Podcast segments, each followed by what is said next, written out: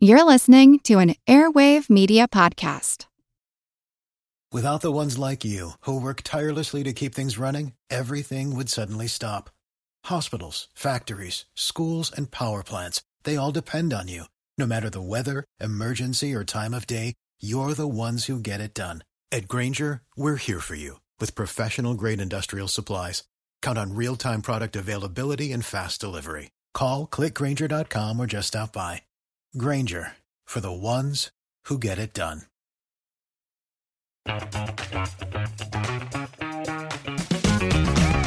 Hey there, I'm Dylan Lewis, one of the hosts of Motley Fool Money. Each weekday on Motley Fool Money, we talk through the business news you need to know and the stories moving stocks on Wall Street. On weekends, we dive into the industries shaping tomorrow and host the experts, authors, and executives that understand them. Tune in for insights, a long term perspective on investing, and of course, stock ideas. Plenty of them. To quote a listener, it pays to listen. Check us out and subscribe wherever you listen to podcasts. This is Kick Ass News. I'm Ben Mathis.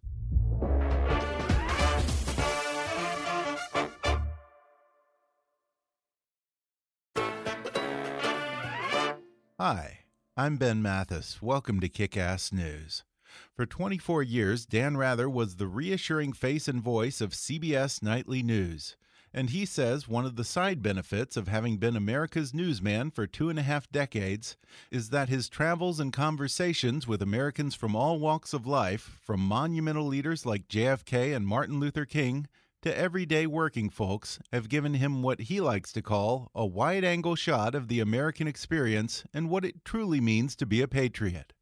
Dan Rather has seen an awful lot in his 60 years as a journalist, and he has a lot to say about the state of our republic and the unique qualities and founding principles that make America special. Things like courage, service, inclusion, and even dissent, many of which he says are being tested during this strange moment in our nation's history. He writes about it in a new book titled What Unites Us Reflections on Patriotism. And today, Dan Rather joins me on the podcast to share what went through his mind on election night 2016 and his outrage at the current assault on many of our most cherished values, including freedom of the press. He recalls his own family's experience during the Great Depression as a lesson in empathy, and how his interactions with men like Martin Luther King Jr. and Medgar Evers opened his eyes to the kind of institutionalized racism that he hadn't experienced growing up as a boy in mostly white, segregated Texas. He talks frankly about how attitudes have changed since his early days as a journalist in the 50s and 60s, how his own thinking has evolved on a number of social issues like gay rights, and he weighs in on the recent rash of sexual harassment scandals that have rocked newsrooms from NBC to his old network, CBS. He discusses the dozen presidents he's known in his 60 year career as a journalist, which one of them most embodied the values he holds dear, and the one word that has always carried Dan Rather through good times and bad. Coming up with the legendary newsman himself in just a moment.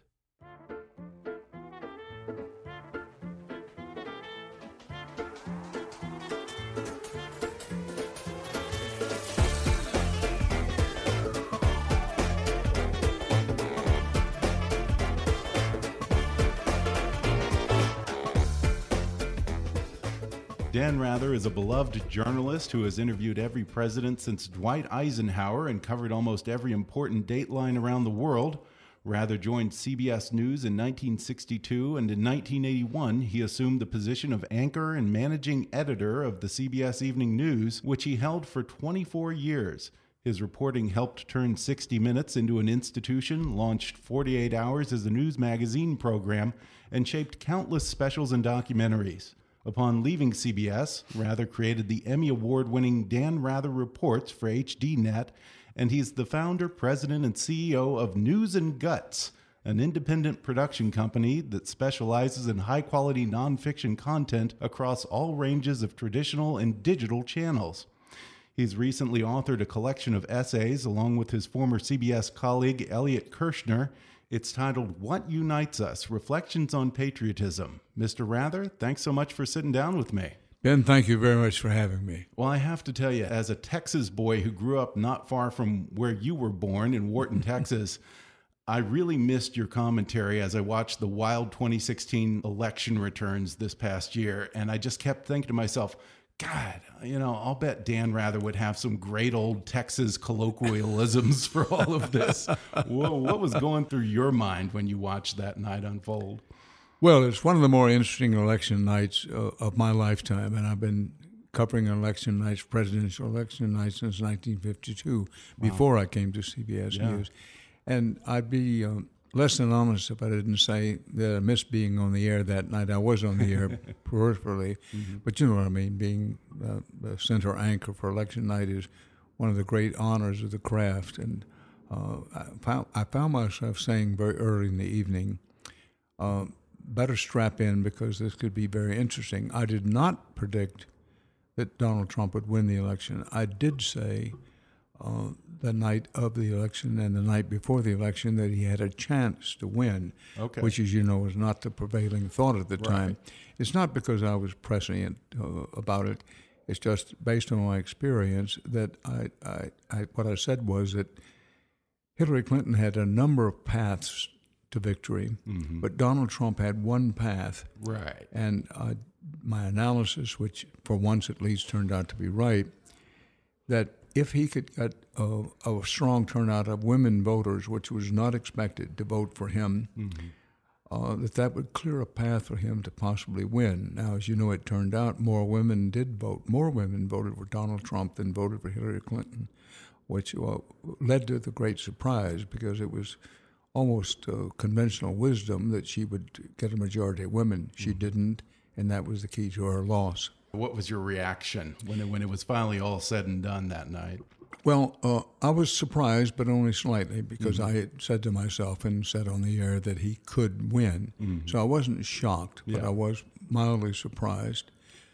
When, but when Hillary Clinton did not go in the final stages of, of the campaign to Wisconsin, Michigan, mm-hmm. uh, when she failed to go, I did say at that time, this could prove to be a mistake. It might be a fatal mistake, and as it turned out, it was.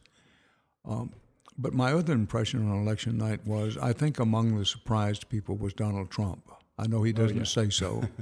I don't yeah. think he expected to win. Certainly, he hoped to win and was exhilarated to win. But among my early thoughts was, well, Donald Trump is among the more surprised people in the country that he's going to be president of the United States. But I then made a mistake in analysis uh, unfortunately, I make my mistakes. Journalism is not a precise science. It's, on its best days, it's kind of a crude art. uh, that I did think there was a chance, knowing Donald Trump some. I was never a close friend of his, but living in New York, you couldn't avoid him. Right. Yeah, I'm sure. Uh, I thought that he would be smart enough to pivot after the election. Or let me say, I thought he might be smart enough to mm-hmm. pivot after the election and take the attitude this is the ultimate honor that can be bestowed on anyone by the American people, and that he would try to reach out and be president of all the people instead of continue to play to his base. Mm-hmm. I was wrong about that. There was one brief moment, if you remember, long about inauguration time, when he made a speech which was at least mildly conciliatory, mm-hmm. but he did not make that pivot. Yeah, and I think that surprised a lot of people because the assumption was that he had no particular core values. So there seemed that there was going to be some flexibility on his part that hasn't really come to pass, has it? Well, that's exactly right, Ben. That's what led to my mistake. Mm-hmm. Uh, that it's neither profound or wise to observe that Donald Trump is basically about Donald Trump. Yeah. Uh, and I figured and figured wrong, he would say to himself, it's in my best interest to reach out and now yeah. say, look, I ran as a Republican, but you got to know I'm I'm really a centrist, and uh, that he would try to govern from from that base point. Dead wrong, of course, mm-hmm. dead wrong. He made a decision. Um, I, I, I, don't think he even thought about it very much. Mm-hmm. That he would try to uh, cement his base and build on that base if he could. You know, in thinking about that, Ben, that I find in traveling around the country, I love to travel and I love to talk to people. That's what reporters do. You know, put feet on the street and talk to people. That with Donald Trump, he is so engrossed in himself. He's not a party person at all. And it turns out he was he wasn't dumb about this. Uh, it, okay. When people say Donald Trump's no dummy, he's a smart guy. I always, I'm always interested to hear their version of that. Well, I have a version that. of that. Okay. That having known him before, yeah. that, that it's a mistake to underestimate Donald Trump, mm-hmm. and I'm surprised at how many people still underestimate him. He is intelligent. Mm-hmm. He has a certain cunning shrewdness about him, and he does have an instinct, a nostril, if you will of where the public mood is, where what people's fears are, what people's dislikes and hates are, and he's he's masterful. I, I think that's an apt word, mm. sort of sensing where the public mood is, particularly with at least roughly a third, slightly a plus of a third of the country. And so when I say he's intelligent, I, I, recognize people say, "How can you say that, Dan Rather?" Because if he's all that smart, why does he keep yeah. making these dumb mistakes? Yeah. I don't have an ex- explanation for that, but I hope yeah. the point is taken that of a certain kind of intelligence, a certain kind of smarts, uh, he has the mm-hmm. smarts. The remarkable thing about Donald Trump is that he appeals to people who are at the direct opposite end of the socioeconomic scale. He's, yeah, he's a billionaire. A he's a billionaire New Yorker who was born to privilege and place. Yeah. Uh, for example, he he poses as the ultimate patriot, but when it was his time to go to war during the Vietnam War, uh, he in effect begged off. Mm-hmm. And so it's hard to reconcile these things. I've given up trying to reconcile it. The best we can do is sort of ride this wild horse of, of a time in our country yeah. and try to sort it out. But I still think it's a mistake to underestimate him. Mm-hmm. I think that to the extent that uh, I could be wrong, I often am.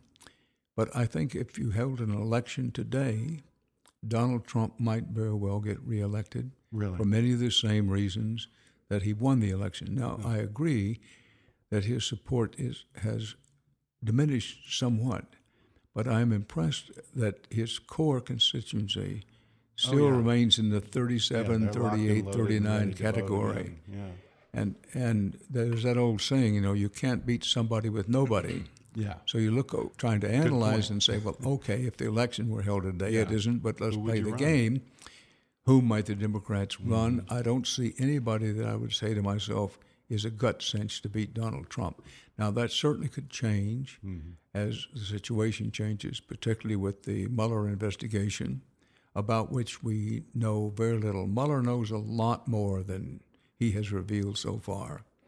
And uh, that could change the equation.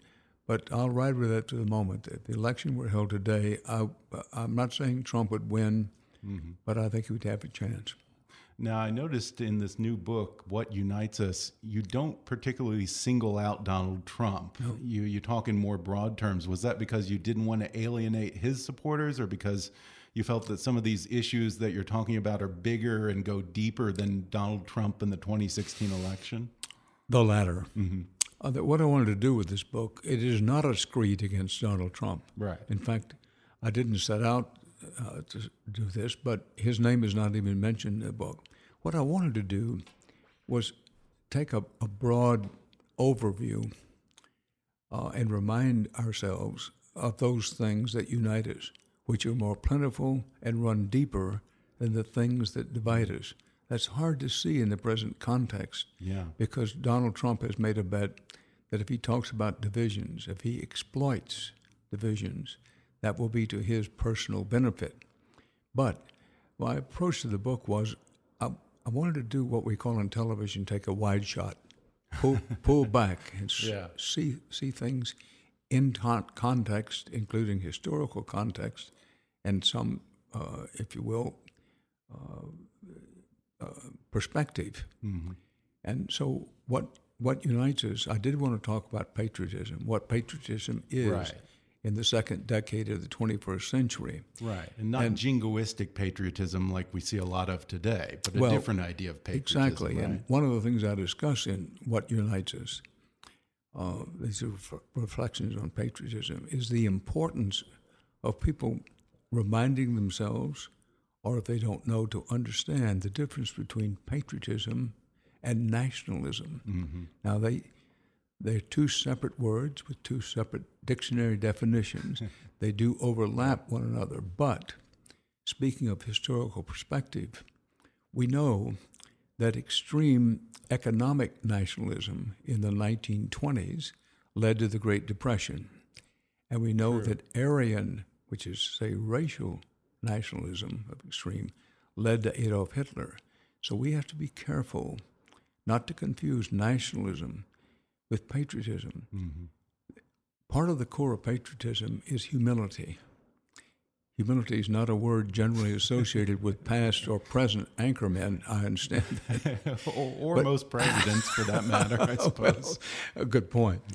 But that with patriotism, it is a, a deep, abiding love for the country, including a willingness to literally die for the country if called upon to do so, but with the humility to recognize that the country is not perfect. We have made our mistakes. We are making our mistakes. We're bound to make mistakes.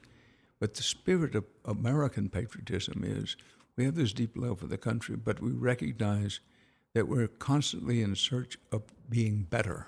Mm-hmm. And uh, very important that the original motto of the United States of America was E pluribus unum, out of many, one. And it was a historic bet. There's never been anything like it in history. And when I talk about a, a wide shot, a broad view of things, to understand that when the country was formed, we were trying something that had never been tried before in human history, yeah. and that most of the world thought it would not work for even a short time. That is, to have a country that is multiracial, multi religious, multi ethnic background that can center around enough core values to remain united. When the country was formed, most of the world sort of chuckled to mm-hmm. themselves and said, This will never work. Well, here we are, working soon to be 300 years, and the experiment is going on. But it has to be renewed with each new generation. And part of my motivation for writing the book, I want this to be a better country. It's a great country. It's, it, we are a great people. We are a great country. But we're in the constant struggle to ever improve it. And that has to be taken on by each succeeding generation. So in write, choosing to write the book, I'm saying, you know, I want this to be a better country for my son and daughter and for my two grandsons and for their offspring. And to do that, uh, the responsibility is great. Now, my time to affect what the country is and is going to be is rapidly fading. I'm 86 years old, working on my 87th year. Uh, I'm mightily blessed to have my health and still be working. But I'm, I'm sort of on the backside of the hill. Uh, I'm very grateful for what's happened with Facebook and with our News and Guts site, but I have no illusions. So I thought, well, with the book, I can make perhaps a microscopic mm-hmm. contribution to helping the present upcoming generation, people in their late teens, 20s, and 30s, uh, to understand what it's going to take to continue to improve this historic experiment. We're going to take a quick break, and then I'll be back with more with Dan Rather when we come back in just a moment.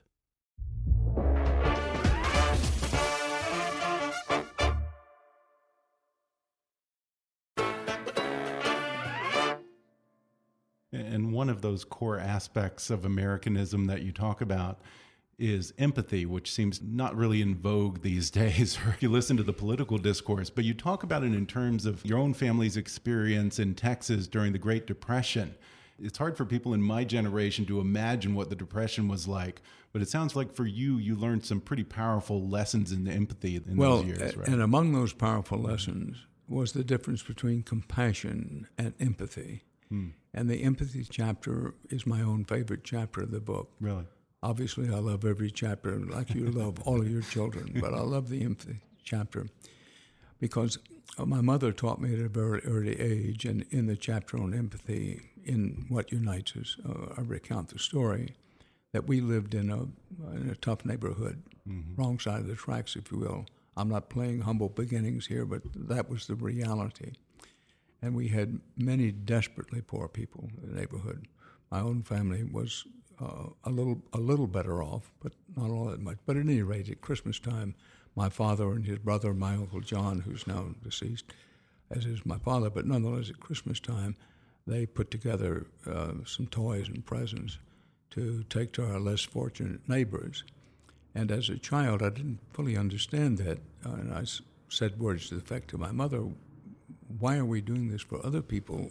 You know? Uh-huh. And then I sought, as children sometimes do, to answer my own question. And I said, "Well, uh, I understand. We feel sorry for them." And my mother then made a very important point. She said, "No, Danny, we don't feel sorry for them. We understand. We understand them."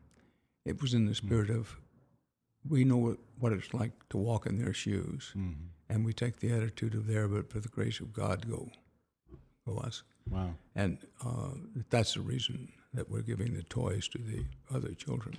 It made a deep and abiding impression on me. You know, frequently in childhood, what your parents teach you sort of goes in and out. It Yeah. doesn't stick with you. But that stuck with me. But here's the point why I wanted to spend a chapter on what unites us. That empathy is very much a part of the American character. Now, you said in today's time we don't see much empathy. I would Not in amend the that media to, and the political discourse. Exactly. I would amend that to say in the political discourse, Mm-hmm. because again, some of this is cynical on the part of political leaders, right. and I'm not going to duck or dodge it, and that includes the present president of the United States, who, as I said before, seeks to exploit our divisions. Certainly. Out there in the country, anybody who travels the country from the great Atlantic Ocean to the wide Pacific shore and from the Canadian border to the Mexican border, anybody who travels the country and talks to Americans and listens to Americans know that the sense of empathy and fairness runs deep and wide in this country. Mm-hmm. Now, the political leadership, in that sense, as they are in so many other ways, is out of touch with what's going on with the with the population as a whole. Yeah. I don't want anybody, Ben, to think that I'm not realistic. This is a very dangerous time. We're in we're going through a rather dark valley. And so what I'm talking about and what I have written in, in what unites us is not some unrealistic Pollyannish, listen, everything's going to be all right. We're going to be all right. I am an optimist by nature and by experience. I do think we'll come through this, but it's not going to happen magically. Mm-hmm. It's, go- it, it has to happen one citizen at a time, one community at a time. And frankly, if more people got up in the morning and said to themselves, "What can I do for my for some other person today? What can I do for just one other person today?" That's a mark of patriotism. And to say beyond that, then what can I do to help my community and my neighbors today? And then eventually get to what can I do for my country today? You know, President John Kennedy and his remarkable inaugural address asked the memorable question of ask not what your country can do for Right. you, ask, Ask what, you can, do, for your country. I think that resonates today.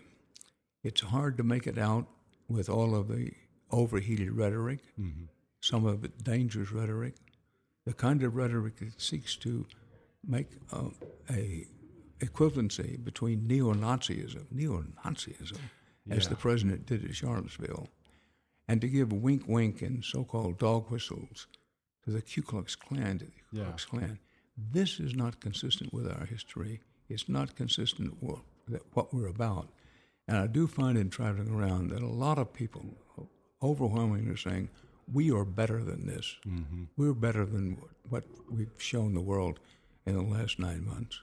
Yeah, and as someone who had a front row seat for the civil rights movement, your take on that is very interesting because you say that growing up in Texas as a kid, you were largely unaware of the plight of African Americans, but then as a journalist, pretty early into your career, you were assigned to cover the civil rights movement. You interviewed Martin Luther King Jr. and got to know Medgar Evers pretty well. It was sort of a, an awakening, I guess. It was a transformation. Transformation of me. I grew up in a, in a segregated society in Texas, where there was uh, institutionalized racism. Mm-hmm. It was not like deep Mississippi or Alabama or South Carolina at the time. uh, but it was a deeply segregated society. And the prevailing view among white people, including my own family, my own neighborhood, was that's just the way it is. Mm-hmm. Now, when I was assigned as my first major assignment at CBS News, beginning in 1962, to the civil rights movement and uh, the comings and goings of Dr. Martin Luther King, that experience changed me as a person and as a professional in a, in a, a, a very deep and significant way. For example, when I first saw a Ku Klux Klan rally, I had heard about the Klan nearly all my life. Uh, growing up in, well, I was born in Wharton, growing up in Houston, but I'd never seen a Klan rally. Really? And I remember vividly the first time I saw a Klan rally, and I probably saw three to five Klan rallies in the first three quarters of a year I worked for CBS News. I remember the sense of, of fear and foreboding that how my neck would swell and the hairs on my forearm would raise a little hmm. bit, seeing This Klan rally. And I'm all. I could think about was, if it affects me that way, what Yeah. terror it must be for any black family within 200 miles of this Mm-hmm. Klan rally. Oh yeah, yeah. Which goes back to empathy. Yes, Wow. it, it does. As a matter of fact, good point. But you know, I, I think now here we are, you know, getting ever deeper in the 21st century. There's so many people who uh, are alive today who either don't remember what it was like, but even more so, young people. It's hard for them to imagine. You talk about a, the Ku Klux Klan; it must Yeah, seem as seems far so away as anachronistic, probably. Yes. Mm-hmm. So it, it, it's worth reminding ourselves that uh, we have made progress on civil rights and racial justice, but we still have a very, very long way to go. Yeah, in the book, you talk about our progression on civil rights and social issues usually goes something like intolerance to tolerance and then tolerance to finally inclusion. Where along that timeline would you say we are right now? Well, it's a very important point. and I, I spoke yesterday with uh, uh, on another program with Tavis Smiley, Mm, yeah. and he challenged me because he said, you know, you t- you have a chapter on inclusion, hmm but Mr. Rather, in effect, he said, tolerance is one thing, inclusion is quite another. Yeah. And I said, yes. And I do deal with this in the chapter. That tolerance is, say, aversion t- to use street language. Okay, what the hell? I can tolerate this other religion. I can tolerate this Yeah. other It's, race. it's one slight step above indifference, basically. That's right. It, it's a step up from indifference. Indifference, good point, but it's not to the point of inclusion. Now, your question is, where are we today? I think we're on the borderline, leaning toward uh, inclusion. There's more inclusion, more talk about inclusion, more actual inclusion now than perhaps there's ever been in our history. But there still are a lot of people who take the view okay, I will not be indifferent to Muslims. I will not be indifferent to people of color. I'll, I'll tolerate it. But they're not, not there mm-hmm. yet for inclusion. And when I say we have a long way to go, that's what I'm talking Yeah. about. Now, one social change that you say you never really saw coming is how Americans' attitudes have changed very quickly, it seems, on gay rights. You say, even if you looked back at the young Dan Rather in your CBS days in the 60s or in the 50s, what you might have said or thought back then, you, you probably wouldn't be too proud. Talk a little bit about your own evolution on that subject. Well, it, it parallels to a degree uh, how I have developed, if that's the right verb to use, on uh, race relations. That look, again, I grew up uh, in an America, not just in Texas, but in an America where nobody even whispered the word homosexual. Uh, the word gay was not in widespread use at that time. There was uh, tremendous prejudice against uh, people of other sexual orientation, to the point, as I say, it was just the unspoken. Nobody spoke it. Uh, and again, uh, uh, I'm sorry to say, but candidly, I have to say that I fell in that category, which was prevalent all over the country. Of that's just the way it is.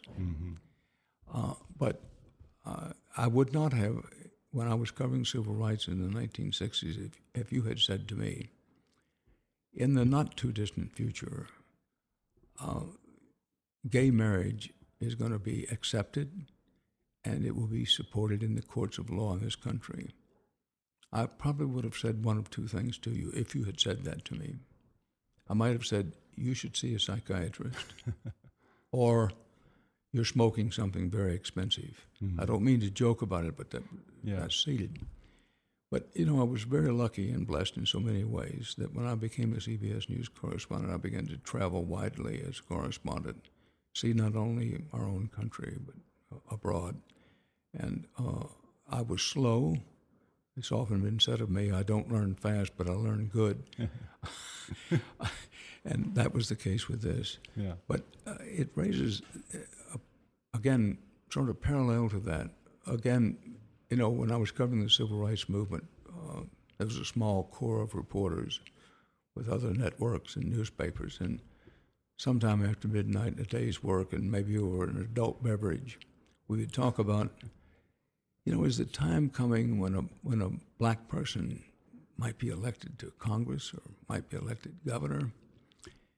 Some thought yes, some thought not in our lifetime, but nobody thought that people of my age at that time, I was in what my 30s, lived to see the time that mm-hmm. a, a, an African American was elected president. Inconceivable. And a companion to that was foreseeing a day when a movement for gay rights began to succeed in some very important uh, areas, and not only just gay rights, but the rights of mm-hmm. all kinds of differences of sexual orientation. My point is that we couldn't imagine an African American president, and we couldn't imagine a day uh, when the rights of people of, of differing sexual orientations would be protected even in the courts. You know, another social change that seems to be happening very quickly is America's attitudes on sexual harassment in the wake of the Harvey Weinstein scandal. And certainly that has not spared the newsroom. You have Mark Halperin, Charlie Rose, now Matt Lauer, who've been caught up in this uh, with some pretty serious allegations, I think. Um, I'm sure that a lot of these are people that you've known either through your work or socially in New York. What do you make of all this? Well, what I make of it is that, and again, I've been slow to come to this conclusion, mm-hmm. but I have concluded that we're at a point of tidal change. Mm-hmm. This is a day of reckoning. And going forward, sexual harassment is not going to disappear overnight. But this is a very important turning point it's going to, and it has turned. The reckoning is look, this is abominable, these kinds of acts. This is not to be accepted. We've got to change. Men have got to change their attitudes. And I think you can already see that that's happening. Mm-hmm.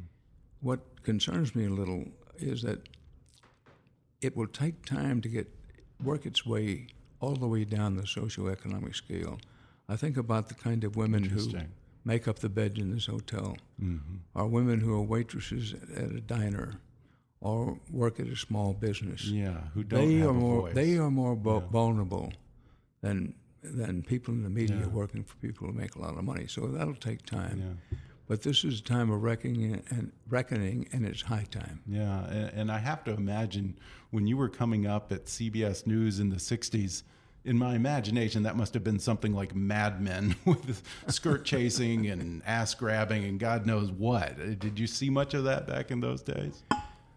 The short answer is yes. Yeah. But it's got to stop. Yeah. And now is the time for it to stop. Do you feel lucky that you were already happily married in those days? well, I've always felt lucky I'm yeah. happily married. Now, you recall your early days working at the Houston Chronicle in the book, where you worked under this ultra conservative, red baiting McCarthyist editor who exercised very tight control over the newsroom. When you compare those days, or say CBS during the Watergate scandal, to this current moment with the media under all kinds of financial and political pressure and dissenters in the media attacked as quote unquote fake news. Do you think we have greater press freedoms today or, or back then? I think we have greater press freedom today, and we're lucky. Mm-hmm. uh, that I'm I'm very relieved to see that. Uh, I think those of us in journalism, and I, I include myself in this criticism, there was a period not so long ago when, for example, deep digging investigative reporting sort of went out of style. Mm-hmm. But there's something of a revival now. Some of the work the Washington Post, the New York Times, USA Today, even some of the cable networks such as CNN, there's been a revival in investigative reporting, and uh, it it may be just in time because I do feel Ben that people speaking of a wide shot need to see in context. We have never had a president any president, including Richard Nixon, who didn't like the press and did try to intimidate the press. However, we've never seen a president who's so consistently, from the first day in office, and so relentlessly sought to discredit individual reporters, even mocking one individual reporter who had physical challenges, right. individual reporters, individual institutions, threatening to use the full force and power of the presidency of the United States to force the kind of coverage he wants. This is dangerous.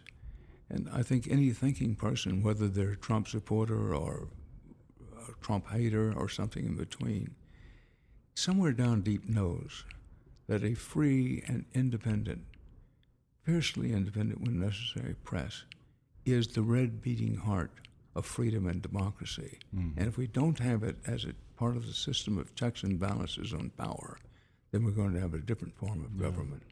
Uh, I mentioned in the opening that you've covered every president since Dwight D. Eisenhower. Without asking you to pick a favorite necessarily, uh, was there one who you felt perhaps more than others embodied the ideals that you talk about and what unites us? Well, I appreciate you not asking to single out one liking or disliking because this much, uh, as I say, I I, I, make a lot of mistakes and I have my faults, but you never met anybody who had more respect for the office mm-hmm. of the presidency of the United States. But with that, I guess maybe it's the Texan in me, I don't know. There's always been that sense, well, that's true, but the person who holds that office at any given time, he's not the descendant of some sun god. He's, right. a, he's, a, he's another citizen he's who's like been elevated to the same, yeah. and therefore he he, he needs to be challenged with tough questions and so forth. But I would say of, of presidents, in trying to answer your question, the list is not limited to these. Uh, but Dwight David Eisenhower, two term Republican president in the 1950s, uh, he certainly didn't run an ideal presidency. And when you rate presidents, he's probably rated, generally speaking, somewhere in the middle, maybe a little below the middle. But in terms of, in, of understanding and embodying many of the core values that I outlined in what unites us. Uh, Eisenhower had a very, a very strong sense of that. If you remember, he delivered one of the most important addresses of any president with his farewell address, yeah. in which he war- warned of the military industrial complex.